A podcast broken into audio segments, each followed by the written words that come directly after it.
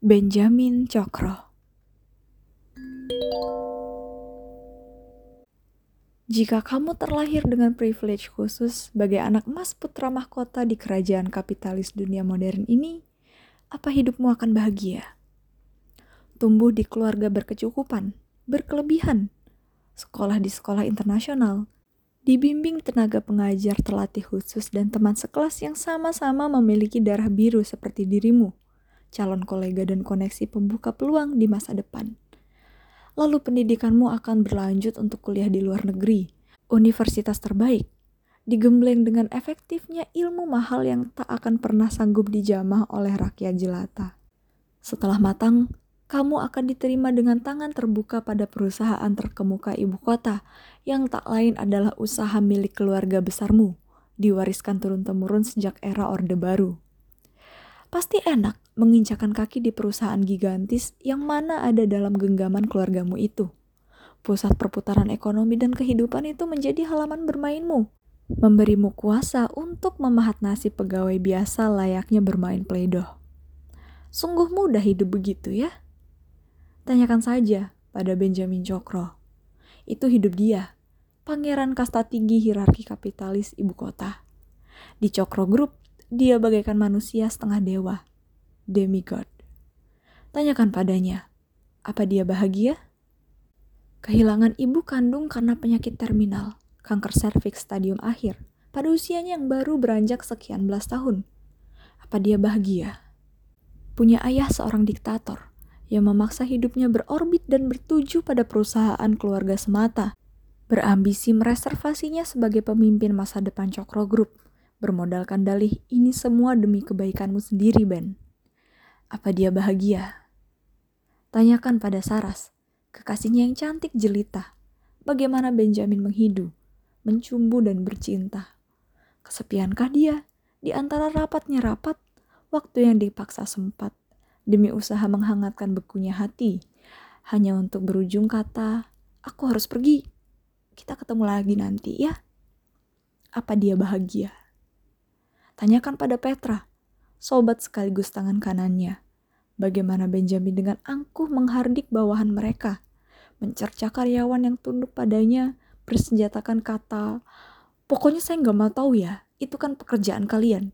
Bisa pecus nggak sih? Apa dia bahagia? Tanyakan juga pada saudara-saudaranya, sepupu yang dibesarkan bersama.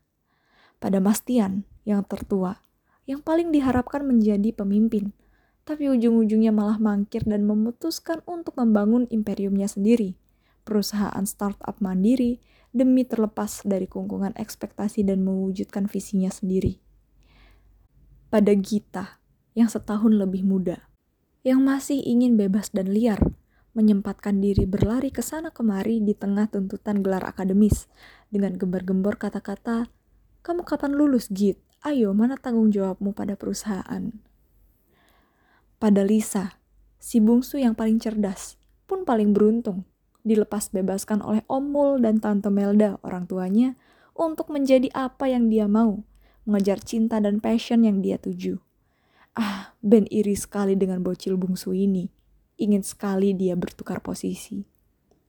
Tanyakanlah pada mereka, apakah Benjamin Cokro bahagia? Jadi, jika mungkin suatu hari kamu berpapasan dengan seorang Benjamin di tengah jalan, atau bahkan bertabrakan, aku bisa jamin kamu akan terpaku, membeku, tenggelam dalam garis wajahnya yang tampan dan dingin. Mati kutu di tilik matanya yang tajam berhalang sepasang kaca. Lalu, dia akan menghardik. Keras di depan wajahmu. Bisa lihat jalan gak sih? Dan lantas begitu, Benjamin pun berlalu kamu, seperti puluhan manusia lain yang ditemuinya setiap hari, hanya akan dianggap layaknya setitik debu. Pun jika kamu cukup beruntung, dirimu dirasa penting dan menguntungkan baginya, bagi Cokro Group, maka Petra lah yang akan menghubungi. Kamu udah ketemu sama Pak Ben kan kapan hari itu? Petra akan bertanya padamu dengan nada ramah. Dan kamu pun akan mengangguk, rikuh, menjawab dalam hati. Iya, aku ditabrak dan dihardik sama lelaki angkuh tak punya hati itu. Itu hanya andai saja jika kamu bertemu dengannya. Tapi, aku kira kemungkinan hal ini terjadi adalah tipis menuju mustahil. Sebab, Benjamin melambung tinggi di atmosfer teratas. Sementara kamu, sama seperti aku, dan 7 miliar manusia lainnya, setia menjejaki bumi. Demikian tetap pertanyaan kita masih sama.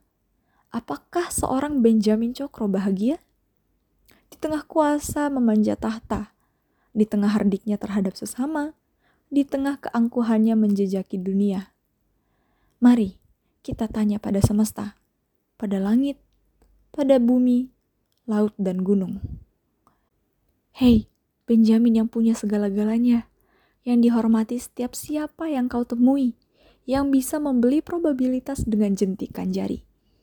Izinkan aku bertanya padamu, apa kamu bahagia?